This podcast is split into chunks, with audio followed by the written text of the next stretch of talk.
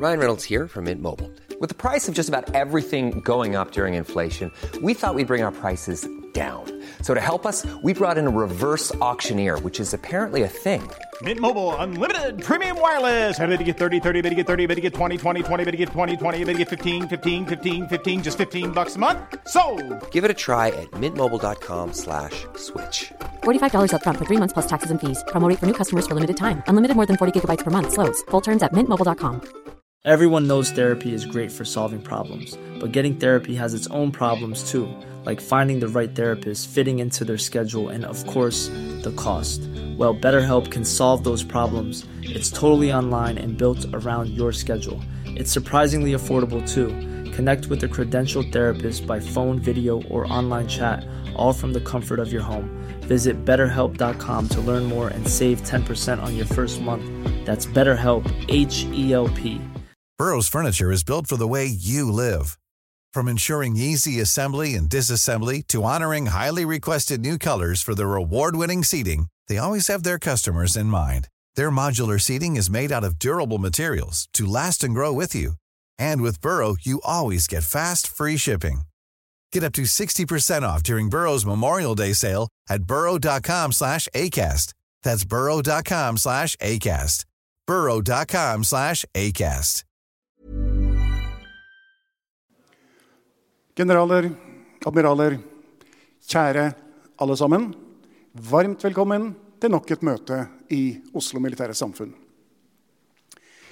Så er det sånn at i dag så er det et av de temaene som berører Forsvarets organisasjon og struktur og endringer i denne, som en del av oss har vår fulle hyre med å henge med på. Når noen av oss startet i Forsvaret, da var det jo noe som heter feltpresten og feltprestkorpset, og det var det vi kjente den gangen. Men landet vårt i dag er ikke helt det samme som det var i slutten av 70-tallet, tidlig 80-tall, når vi startet, noen av oss. Eh, Og dermed er eh, også deler av Forsvarets struktur endret som en følge av det. Nå har vi noe som heter Forsvarets tros- og livssynskorps, som har erstattet det gamle feltprestkorpset. Sjefen der er brigader Knut Espen Høydal. Han er sjef for tros- tros- og livssynskorpset. Og eh, jeg vil veldig gjerne at du introduserer deg selv, gir et riss av din eh, bakgrunn før du eh, forteller hva du er sjef for nå, og hva dette går ut på. Og det siste kvarteret har vi satt av til innledninger fra noen av dine stabskolleger, som du helt sikkert også vil introdusere når vi kommer så langt. Og da har vi et kvarter eh, også etter det til spørsmål og diskusjon, hvis det er noen som vil ta opp noe der. Så Knut Espen, talerstolen er din.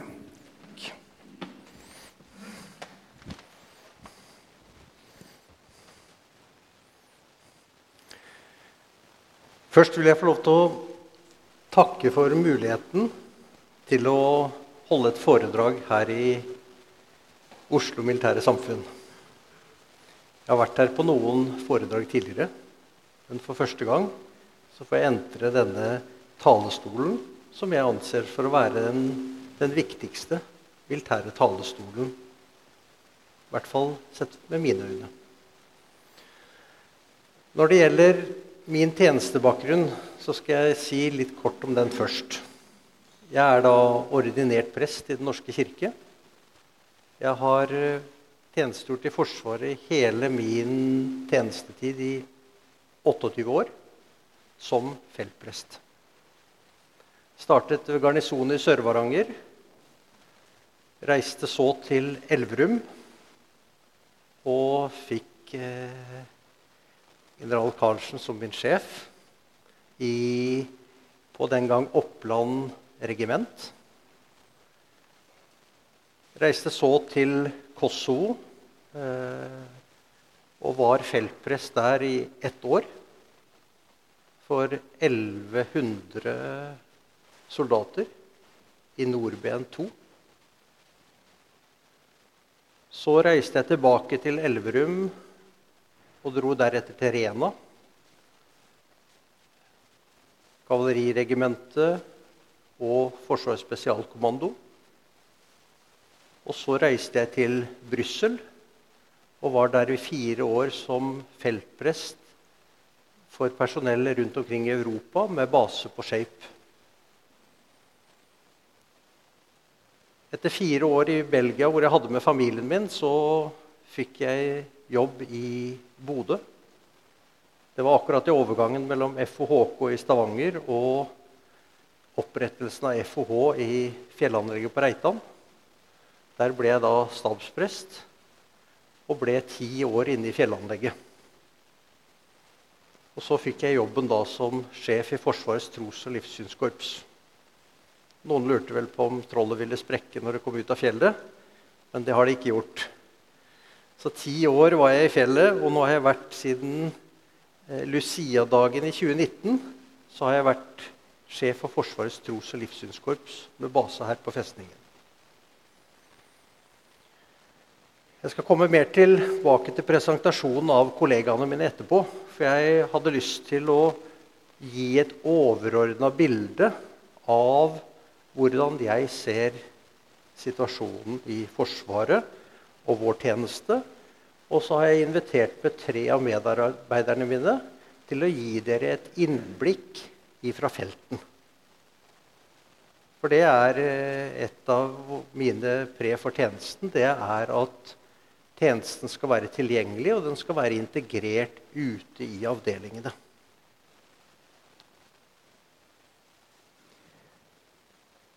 Det jeg skal bruke den første halvtimen på, det er å ta dere med inn i det temaet som jeg opplever at har vært en betydelig debatt. Både i den generelle samfunnsdebatten, på de militære debattarenaene som Forsvarets forum og Stratagem, så vel som på den politiske arenaen.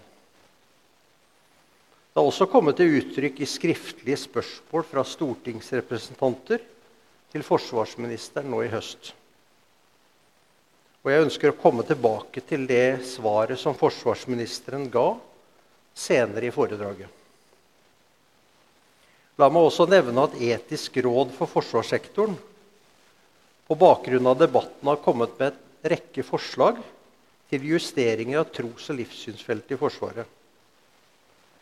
Forslagene er nå til nærmere analyse og drøfting i Forsvaret.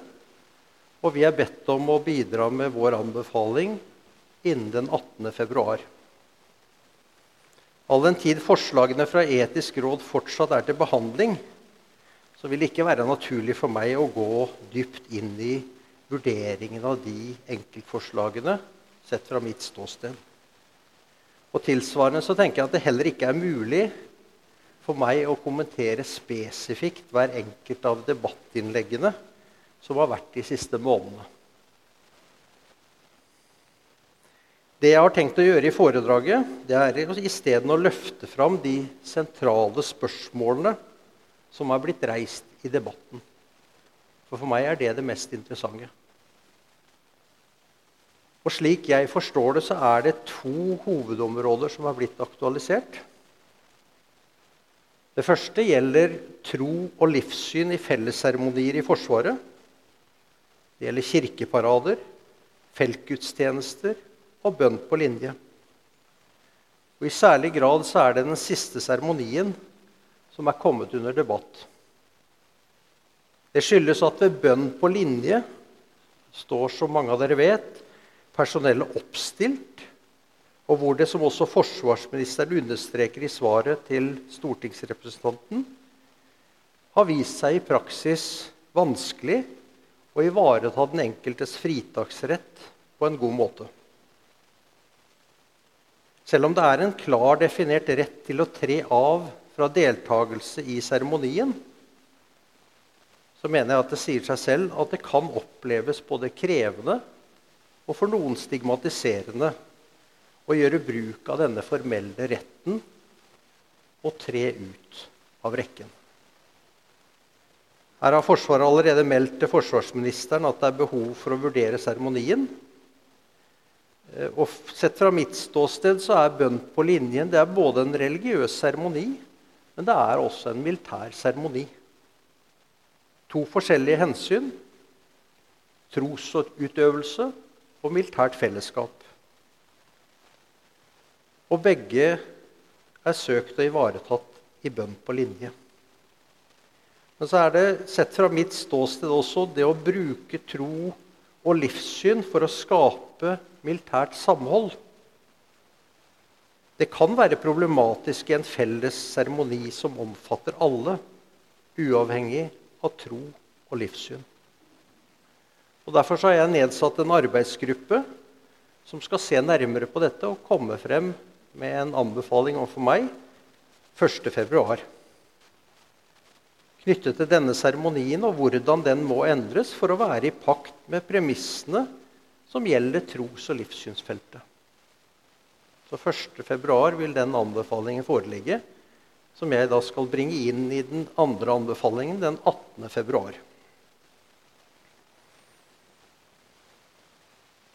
Det andre hovedområdet i debatten det handler om, etter min analyse, tros- og livssynspersonellets plass, kompetanse og funksjon i Forsvaret. Det har vært reist kritikk om at vi som tros- og livssynspersonell tar for stor plass i Forsvaret at vi ikke har relevant kompetanse ut fra behovene i Forsvaret, og at de har funksjoner som heller burde vært ivaretatt av annen type personell. I debatten er både funksjoner knyttet til samtaler, personellivaretagelse, undervisning og rådgivning blitt nevnt. Noe kunne jeg svart på i kronikker, og noe har jeg ikke ønsket å svare på. Men jeg har valgt å takke ja til å komme hit i dag for å trekke opp lerretet for hva jeg mener er det helt essensielle knyttet til tros- og livssynstjenesten i Forsvaret som første steg for mitt vedkommende.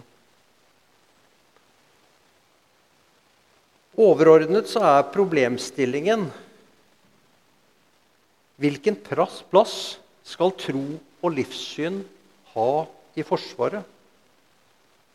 Hvordan skal det komme til uttrykk? Og hvordan skal dette organiseres? Hvilken plass skal tro og livssyn ha i Forsvaret? Hvordan skal det komme til uttrykk? Og hvordan skal dette organiseres? De spørsmålene ønsker jeg å reise, og forhåpentligvis gi et brukbart svar på. For å besvare det så vil jeg ta utgangspunkt i et grunnleggende og helt allment prinsipp. Det er rett og slett dette. Forsvaret er statens ytterste maktmiddel. Hva betyr dette når det dreier seg om tro og livssyn? Jeg vil starte med ordet at Forsvaret er statens. Følgelig så må Forsvaret ha en forankring og en praksis som er i tråd med statens grunnlag og forpliktelser. Frem til grunnlovsendringen i 2012 så hadde, som dere også vet, den evangelisk-lutherske religion var statsreligion i landet vårt. Det ble endra i forbindelse med skillet mellom stat og kirke. Og noen tror at dette innebar at staten plutselig ble livssynsnøytral. Men det er ikke tilfellet. Staten er ikke blitt livssynsnøytral. Fordi i de samme grunnlovsendringene så er det fastsatt følgende punkter. Og jeg skal lese de. I paragraf 2 så beskrives det at statens verdigrunnlag skal være vår kristne og humanistiske arv. I paragraf 4 så slås det fast at fortsatt konfesjonsplikt til den evangelisk-lutherske religion for kongen, og dermed også for vår øverste krigsherre. I paragraf 16 fri religionsutøvelse for borgere. En fastholdelse av Den norske kirke som Norges folkekirke og understøttelse av alle tros- og livssynssamfunn på lik linje. Staten er altså ikke blitt livssynsnøytral. Men den er det vi kaller den har blitt livssynsåpen. Det skal være rom for alle. Og det må da også utgjøre det konstitusjonelle grunnlaget for tro og livssyn i Forsvaret. Verdigrunnlaget i Forsvaret må selvsagt ha den samme, fordi, samme verdiforankringen som det staten har. Det er basert på det kristne og det humanistiske fundament. Det er ikke livssynsnøytralt. Og frem til 2015 sto henvisningen til denne arv og dette fundament det sto i innledningen til Forsvarets verdigrunnlag. Og den ble helt frem til november 2021 fastholdt i Forsvarsdepartementet sitt verdigrunnlag for forsvarssektoren. Men så er det blitt fjerna. Og det stiller jeg meg faktisk spørrende til.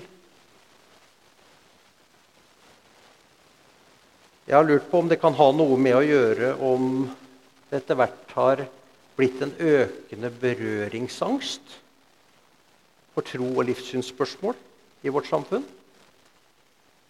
Antagelsen om at staten ble livssynsnøytral da statskirken ble opphevet, jeg stiller meg i hvert fall de spørsmålene. For meg er det i hvert fall viktig å understreke følgende. Det kan og det skal ikke være noen tvil om at Forsvarets verdigrunnlag må ha den samme forankring som staten sitt verdigrunnlag.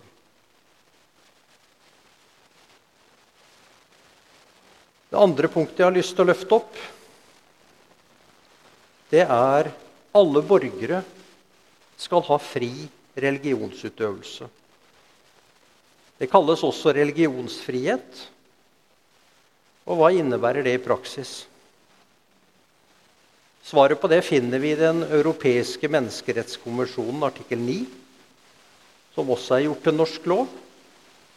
Overskriften på artikkel 9 er 'tanke-, samvittighets- og religionsfrihet'. Artikkelen har to punkter og lyder. Enhver har rett til tankefrihet, samvittighetsfrihet og religionsfrihet.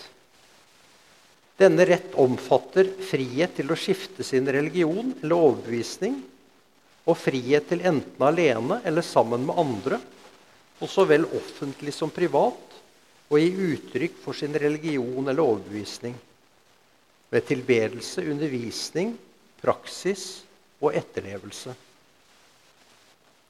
Og punkt to frihet til å gi uttrykk for sin religion eller overbevisning skal bare bli undergitt slike begrensninger som er foreskrevet ved lov og er nødvendig i et demokratisk samfunn av hensyn til den offentlige trygghet. For å beskytte den offentlige orden, helse eller moral eller for å beskytte andres rettigheter og friheter. Det var artikkelens to punkter, og jeg ønsker å vektlegge følgende. Religionsfriheten den innebærer ikke bare retten til å gi uttrykk for sin tro eller sitt livssyn privat og individuelt. Religion er ikke kun en privatsak i samfunnet vårt. Den skal også kunne gis uttrykk for i fellesskap og i det offentlige. Den omfatter mer enn seremonier, men også opplæring, praksis og etterlevelse. Og så er det at innskrenkninger og reguleringer av religionsfriheten skal det begrunnes særskilt ut fra tungtveiende samfunnsmessige forhold. I vår sammenheng kan vi spesielt merke oss at innskrenkningen ut fra hensynet til den nasjonale sikkerhet, som finnes i artikkel 8 om retten til privatliv, den gjelder ikke for utøvelsen av religionsfriheten. Hvis det skulle bli krig eller en alvorlig sikkerhetskrise i vårt land, så vil det ikke trumfe religionsfriheten. Det er viktig. Og da er det sånn at borgere som tjenester i Forsvaret, er i likhet med borgere for øvrig garantert en rett til tros- og livssynsutøvelse. Det gjelder i fred, men det gjelder like fullt i krise og i krig.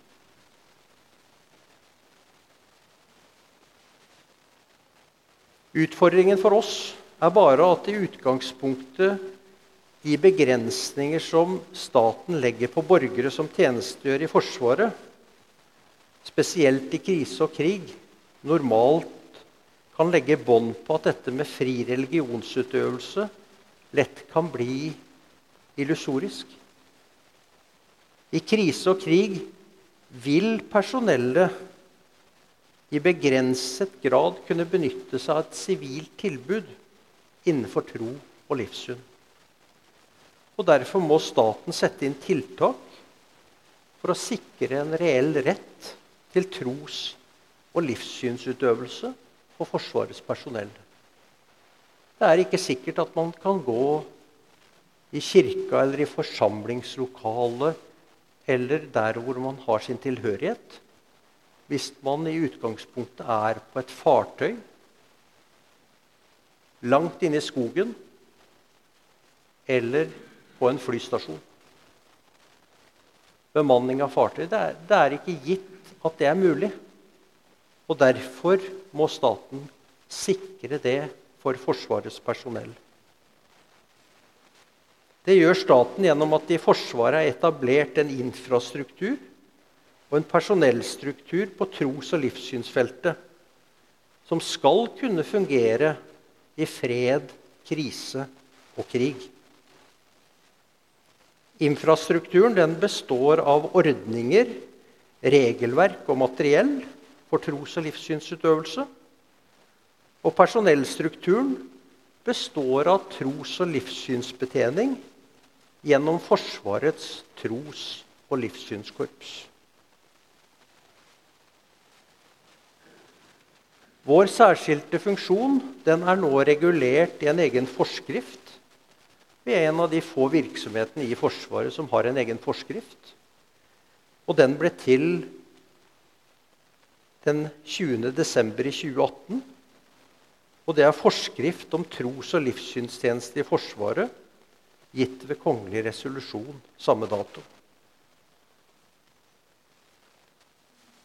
På den tiden vi hadde en statskirke i Norge, så var feltpresskorpset tilknyttet Den norske kirke. Vi var et eget prosti i Oslo bispedømme. Det er vi ikke lenger. I dag er korpset skiftet navn til Forsvarets tros- og livssynskorps. Og det er tros- og livssynsinkluderende ved at personell fra alle registrerte tros- og livssynssamfunn kan tjenestegjøre på lik linje. Vi har nå før jul skrevet samarbeidsavtaler med de ulike tros- og livssynssamfunn som er representert i Forsvaret.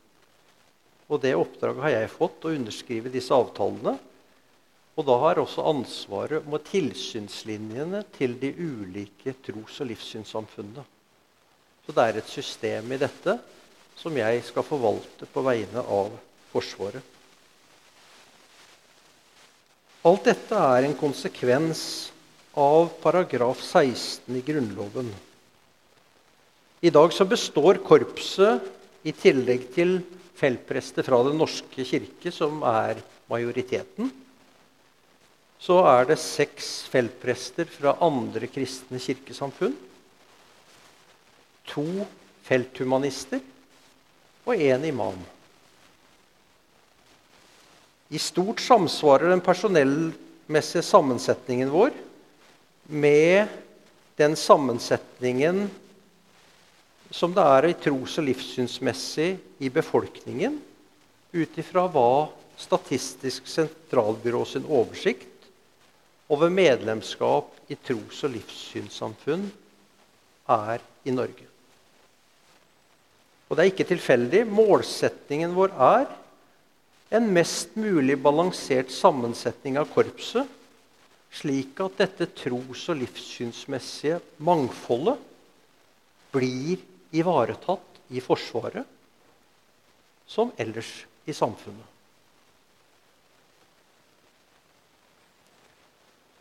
Korpset vårt skal sikre at alle soldater som ønsker, skal gis mulighet til tros- og livssynsutøvelse i samsvar med eget syn. Korpsets personell tilhører ulike tros- og livssynssamfunn, som jeg nevnte. Men vi har et motto om å ivareta alle som tjenestegjør i Forsvaret. Og det skal gjøres gjennom at korpsets personell skal betjene egne, altså fra eget tros- eller livssynssamfunn. Men overfor personell som ikke tilhører det samme trossamfunn for meg, så har jeg et ansvar for å tilrettelegge. Og så skal vi vise omsorg for alle. Betjene egne, tilrettelegge for andre og vise omsorg for alle. Vi har forskjellig fokus, vi har forskjellig ståsted. Men til syvende og sist så samles vi i det felles fokuset rundt soldaten. Det er eksistensgrunnlaget vårt i Forsvaret. Tilretteleggelse av tro og livssynsutøvelse for tjenestegjørende soldat. Og Gjennom en sånn måte å organisere korpset vårt på, så ønsker vi å realisere Forsvaret som et livssynsåpent forsvar. Med rom for mangfold, toleranse, raushet og respekt. For hverandre, troende så vel som ikke-troende.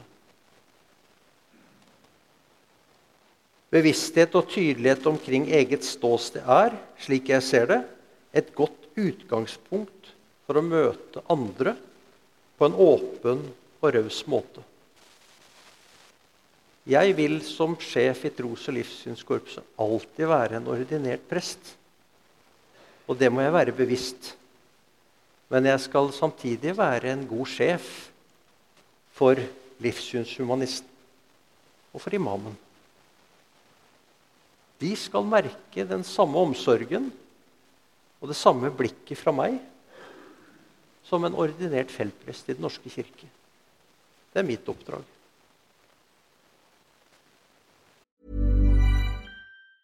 Burrow's furniture is built for the way you live. From ensuring easy assembly and disassembly to honoring highly requested new colors for their award-winning seating, they always have their customers in mind. Their modular seating is made out of durable materials to last and grow with you. And with Burrow, you always get fast, free shipping. Get up to 60% off during Burrow's Memorial Day sale at burrow.com slash ACAST. That's burrow.com slash ACAST. burrow.com slash ACAST. Everyone knows therapy is great for solving problems, but getting therapy has its own problems too, like finding the right therapist, fitting into their schedule, and of course, the cost. Well, BetterHelp can solve those problems. It's totally online and built around your schedule. It's surprisingly affordable too. Connect with a credentialed therapist by phone, video, or online chat, all from the comfort of your home. Visit betterhelp.com to learn more and save 10% on your first month. That's BetterHelp H E L P.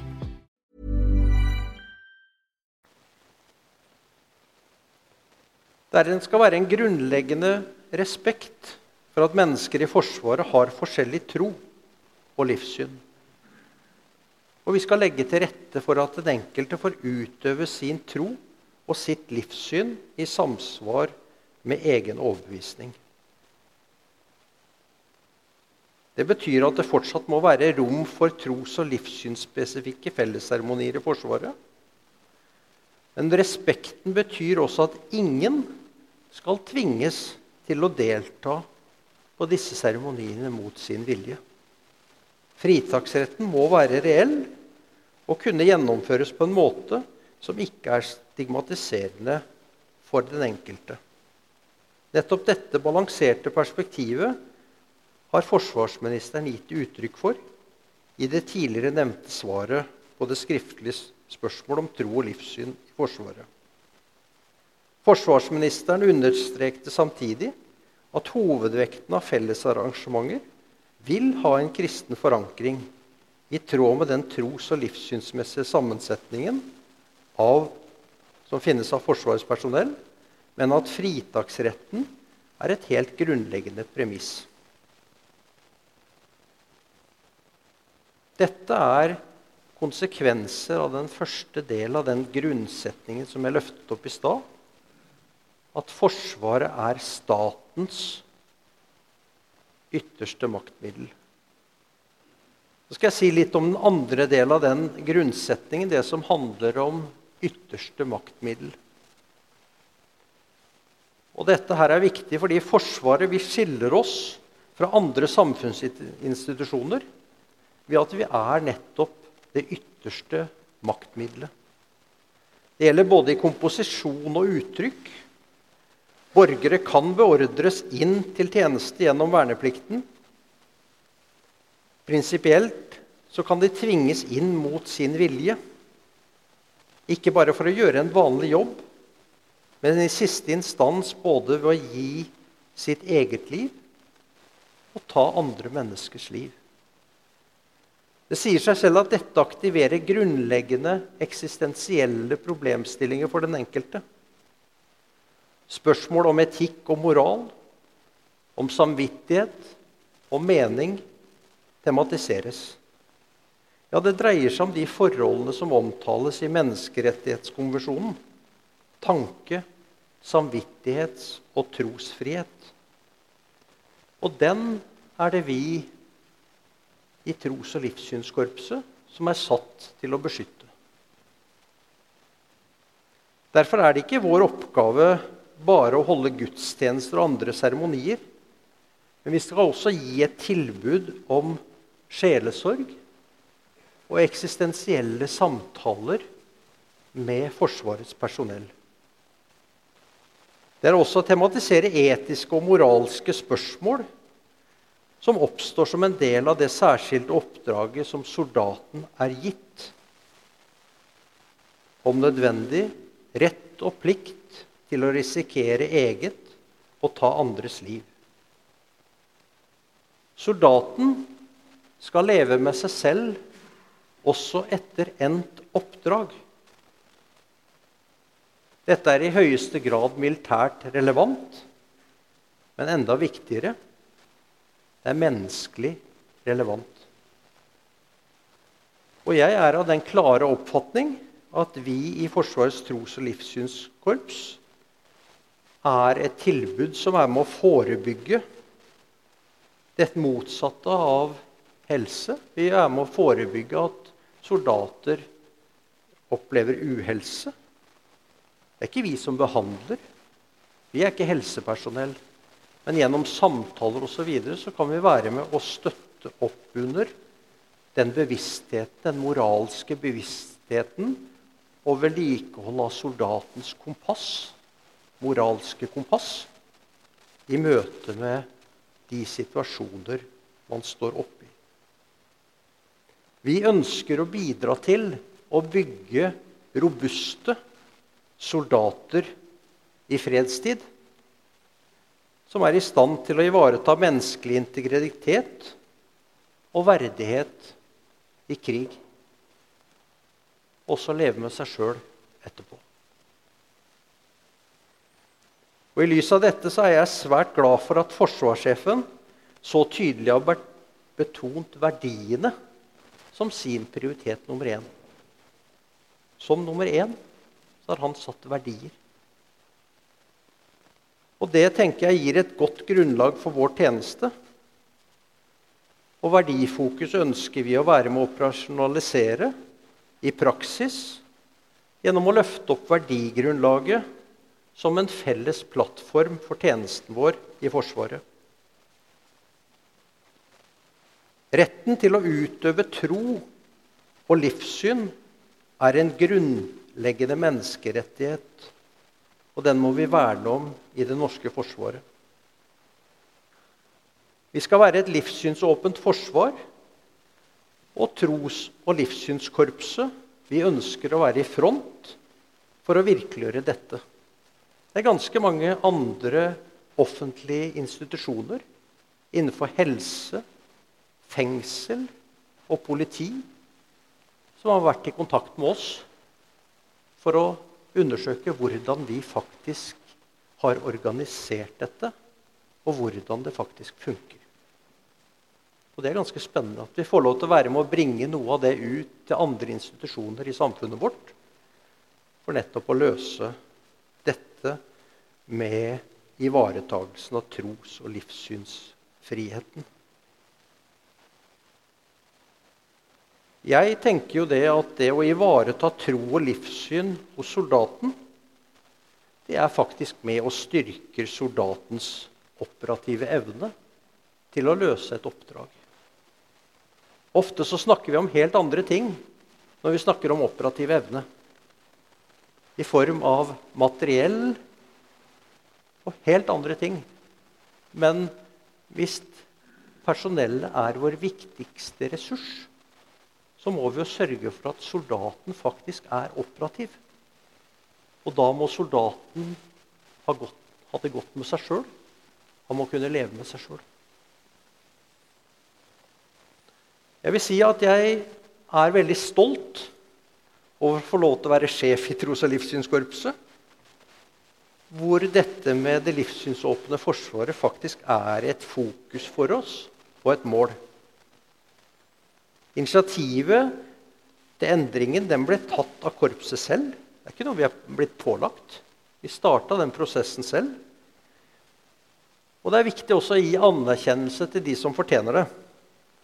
Og jeg har lyst til å gi anerkjennelse til oberstløytnant Nils Terje Lunde, som jobber hos oss i korpset, som faktisk både har laget dette konseptuelle grunnlaget for endringen, så vel som ledet arbeidet med implementeringen til der vi er i dag.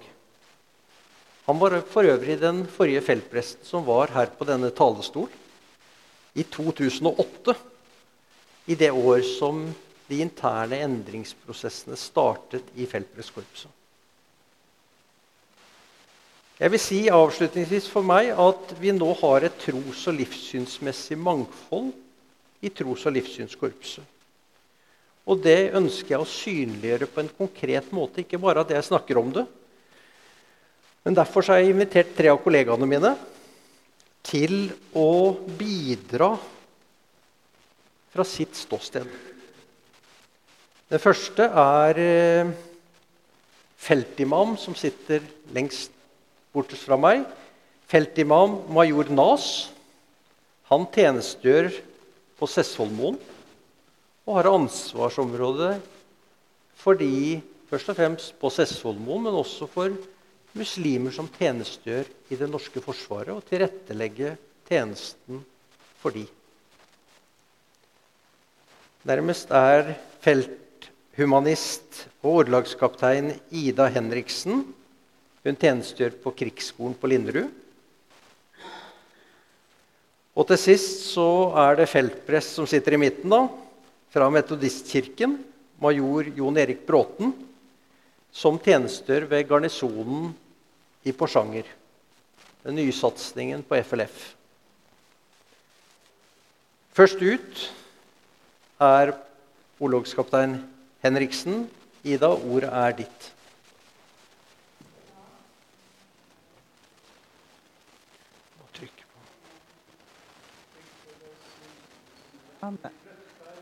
Der, tenker jeg.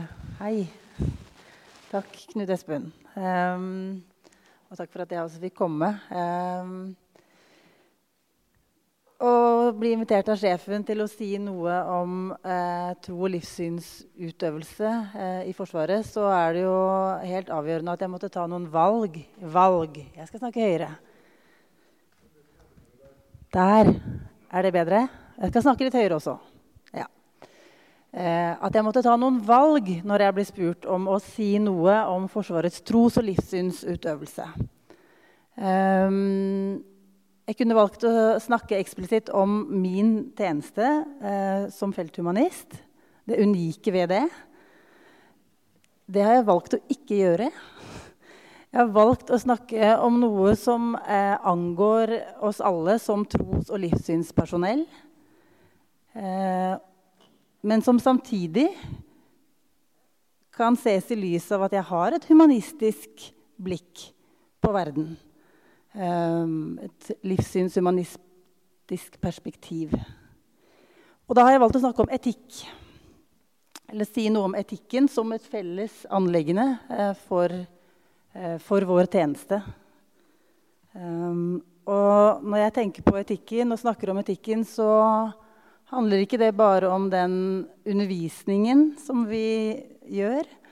Men det handler om å være en som eller være et korps som sammen ivaretar og inviterer inn til det etiske rommet. Som bidrar med en etisk språkliggjøring eh, i hverdagen og i krise og krig. Jeg hadde en samtale med en kollega på, på krigsskolen før jeg skulle hit. Um, vi snakker masse om etikk. Uh, og dilemmaer og, og, moralsk stress, uh, moralsk krevende situasjoner. Um, og noe av det han sa, eller som vi snakka om, var at uh, som I Forsvaret så er alle bærere av etikken. Um, men som yrkesoffiserer så er etikken én av mange ting man skal være opptatt av og være god på.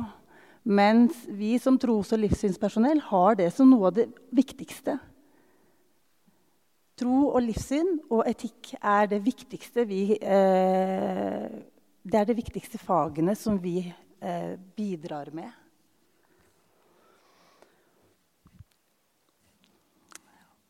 Så er det jo også sånn tenker jeg, at det etiske og det eksistensielle det berører hverandre eh, tett. Så Jon Erik skal få si noe mer om det åndelige og eksistensielle. Men um, Sokrates eh, sa, eller spurte jo, hvordan skal jeg leve?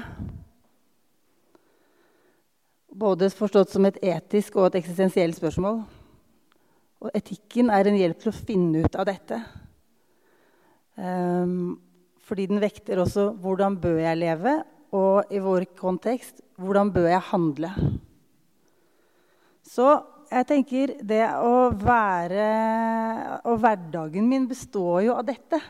Eh, som tro- og livssynspersonell, som felthumanist eh, i Forsvaret. Å invitere inn eh, og ha språk for det etiske. Å være en medtenker for det etiske. Um, for det kan ofte være taust. Det kan ligge der, men det er ikke nødvendigvis eksplisitt. Så det er sånn språkliggjøringen uh, Og det var en som sa for litt siden um, Et moralsk problem er først et problem når noen ser det. Og det tenker jeg er jo Jeg er ikke nødvendigvis helt enig i det, men uh, men kanskje er det noe i det også at hvis ingen har et språk for å skulle peke på eller kjenne etter at dette er ugreit, eller å være til stede som en samtalepartner for det, så blir det i hvert fall ikke eksplisitt. Det ligger der, men ikke som uttalt. Og jeg mener at det er den uttalte språkliggjøring, den uttalte etikken, det er den som gjør at vi levendegjør og internaliserer eh, kjerneverdiene i praksis. Og så er jo da spørsmålet når er dette viktig? Jo, Det er viktig hver dag.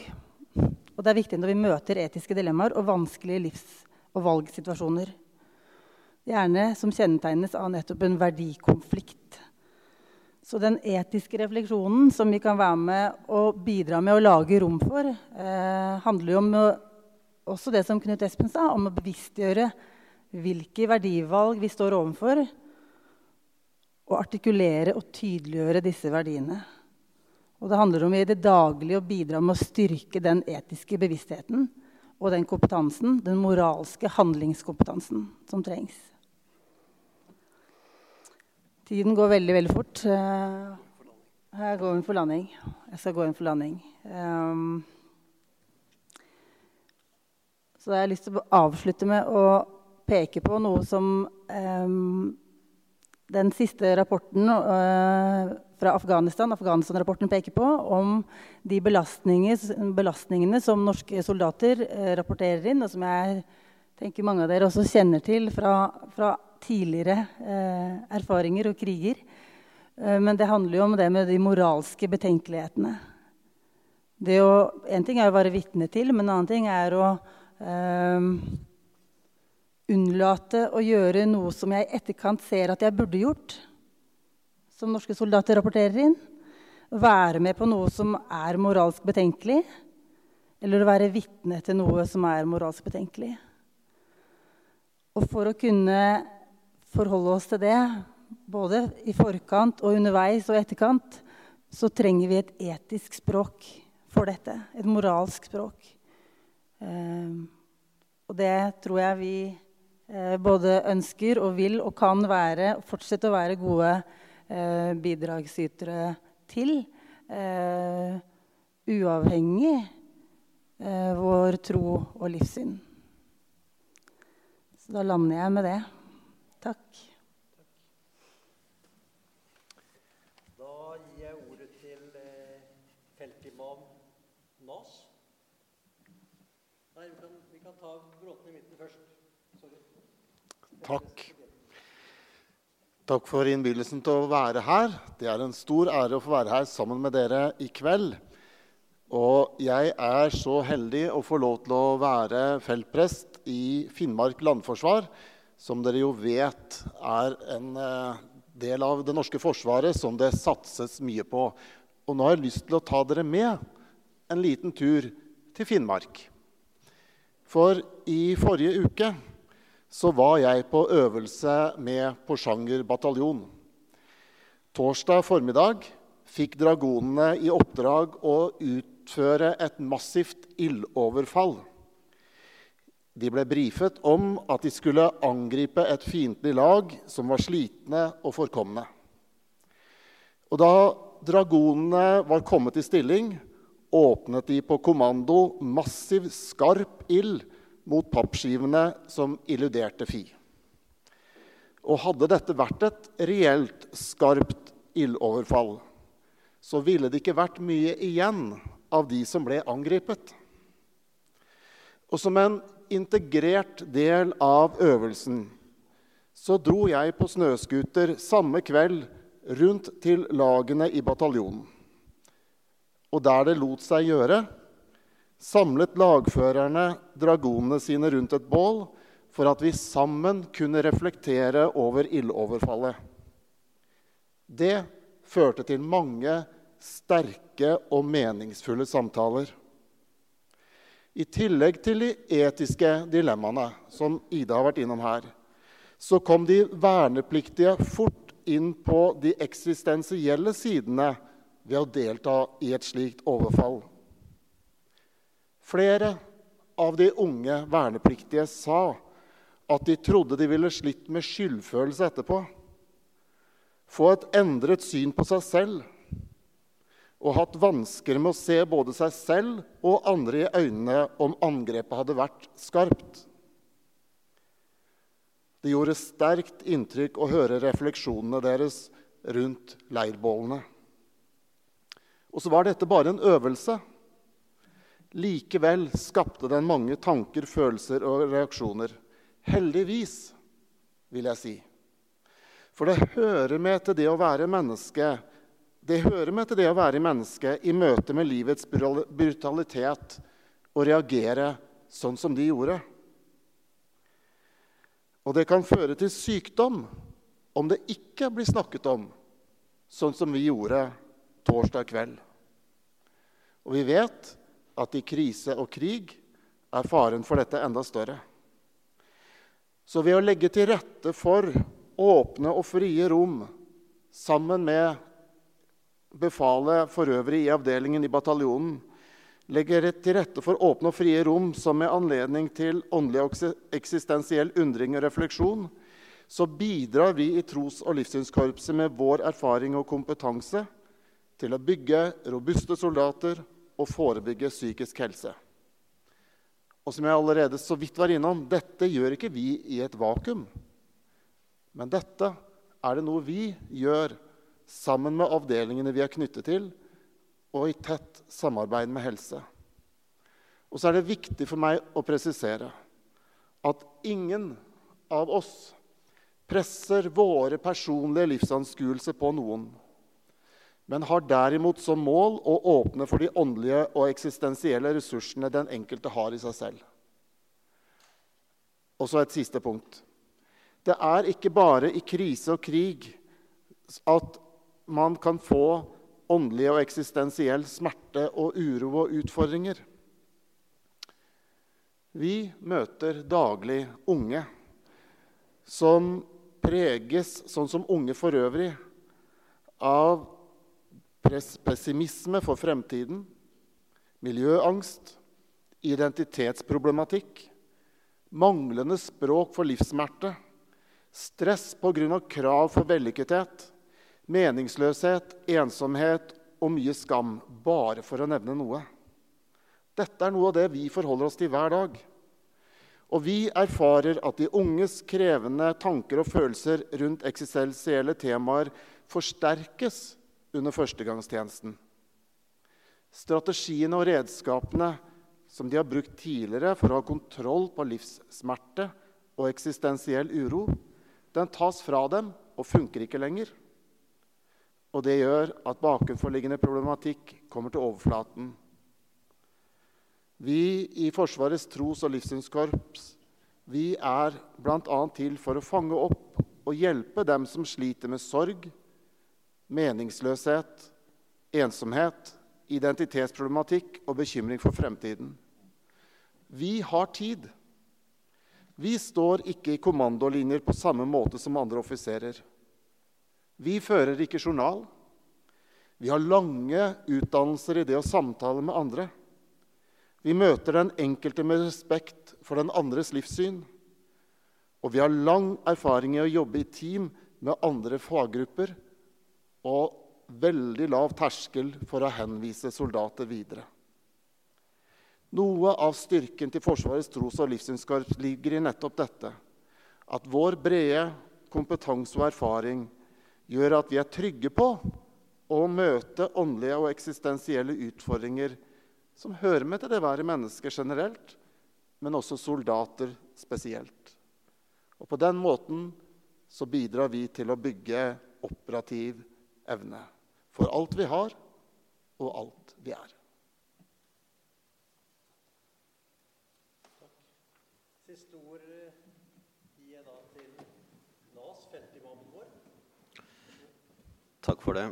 Eh, først og fremst eh, veldig takknemlig for å få anledning til å være her eh, sammen med dere i dag i dette historiske huset. Jeg er utdannet imam, har jobbet i en av Oslos eh, største moskeer i ti år før jeg begynte i Forsvaret. Og i Forsvaret så begynte jeg som en sivil rådgiver i et toårig prøveprosjekt. Og i dette prosjektet så jobbet jeg sammen med en livssynshumanist. Ja, dere hørte riktig. Imamen og livssynshumanisten samarbeidet i dette prosjektet. Og hovedoppgaven var å utrede, utrede behov for andre enn kristne i det norske forsvaret. Og jeg er veldig glad for at uh, etter dette prosjektet fikk jeg mulighet til å fortsette med dette viktige og banebrytende eh, arbeid, eh, men da som feltimam fra og med 2017. Eh, det har vært en eh, veldig viktig og lærerik eh, erfaring. Eh, og det å være en del av denne positive utviklingen med tanke på ivaretakelse av mangfoldet, det har vært veldig givende og meningsfullt. Som tros- og livssynspersonell så har vi noen felles oppgaver. Noen av dem er blitt nevnt her. Vi har etikkundervisning, vi har samtaler. Vi har eh, leksjoner eh, om eh, selvmordsforebygging osv. Og, Og, og det kan være noen lokale eh, oppgaver også som vi deler sammen. På Sessvollmoen så eh, har jeg også en eh, kollega som er feltprest. Og vi to eh, deler disse oppgavene oss imellom. Men til, eh, altså, I tillegg til de fellesoppgavene så har vi noen spesifikke områder som går ut på eh, våre tros- og livssyns ansvarsområder. Og det vil si betjening av våre egne, som Knut Espen var inne på. I den forbindelse så har jeg ansvar for å sørge for at muslimske soldater får dekket de religiøse behovene de har, eh, og får kombinert disse behovene med den daglige eh, militære tjenesten på en best mulig måte. Og da snakker vi bl.a. om de daglige fem bønnene. Vi har eh, ramadan i Forsvaret. Og da dukker det opp spørsmål alt fra ja, lange dager og hvordan kan vi kombinere denne fysisk krevende aktiviteten med eh, fasten, hvor man ikke drikker eller spiser noe på en hel dag. Eh, vi har eh, halalmat-problematikken. Eh, vi har eh, bønnerom, som jeg prøver å legge til rette for. Så alt dette er det jeg som har hovedansvaret for, i tillegg til de felles oppgavene. Eh, dette syns jeg er eh, viktig arbeid, og soldatene har jeg hørt eh, snakke veldig positivt om dette. her. De setter veldig, veldig stor pris på at de har en egen imam i systemet. For det er veldig vanskelig å ta kontakt med en imam der ute i det sivile. Eh, for det første så er det veldig vanskelig å sant, gi eh, et klart bilde, at, at de forstår Eh, konteksten i Forsvaret, hva slags utfordringer soldatene møter i Forsvaret. Eh, for det andre så ikke sant, Soldatene tjenestegjør jo i ulike avdelinger i hele landet. Så det er ikke sikkert at alle har forbindelser med lokale imamer. Så dette er noe som de eh, setter veldig stor pris på. Eh, og det syns jeg er eh, Jeg er veldig takknemlig for at jeg får vært med på dette Eh, dette området. Jeg har leksjoner innenfor lokal kulturforståelse for eh, deployering til, deployeringer til muslimske land, f.eks. Eh, og mange av kollegene mine i eller tros- og livssynskorpset eh, altså Vi har jo veldig gode samtaler oss imellom. Og jeg tenker at uh, dette er veldig gjensidig. at Jeg lærer veldig mye av mine kolleger. Og de syns også at det er noe de også uh, uh, lærer av meg med tanke på islamsk tro og praksis. Det er flere andre ting. Vi har noe som heter fallende tjeneste i Forsvaret. Og der har jeg også leksjoner om hvordan man håndterer eh, muslimske falne, muslimske døende, hvilke ritualer eh, det er viktig å ta hensyn til. Eh, både når det gjelder eh, hjemsendelse av våre, våre, mottak her i Oslo eller på Gardermoen, også overlevering av eh, bårene til eh, etterlatte. Et kjempeviktig arbeid, og veldig glad for uh, at vi har det opplegget som, som, vi har i FTLK, hvor vi alle er sammen under ett tak. Og det er ikke noe dragkamp verken om det ene eller det andre. Så det er veldig uh, fornøyd og veldig godt å se dette gode samarbeidet i, i FTLK. Um, takk for oppmerksomheten.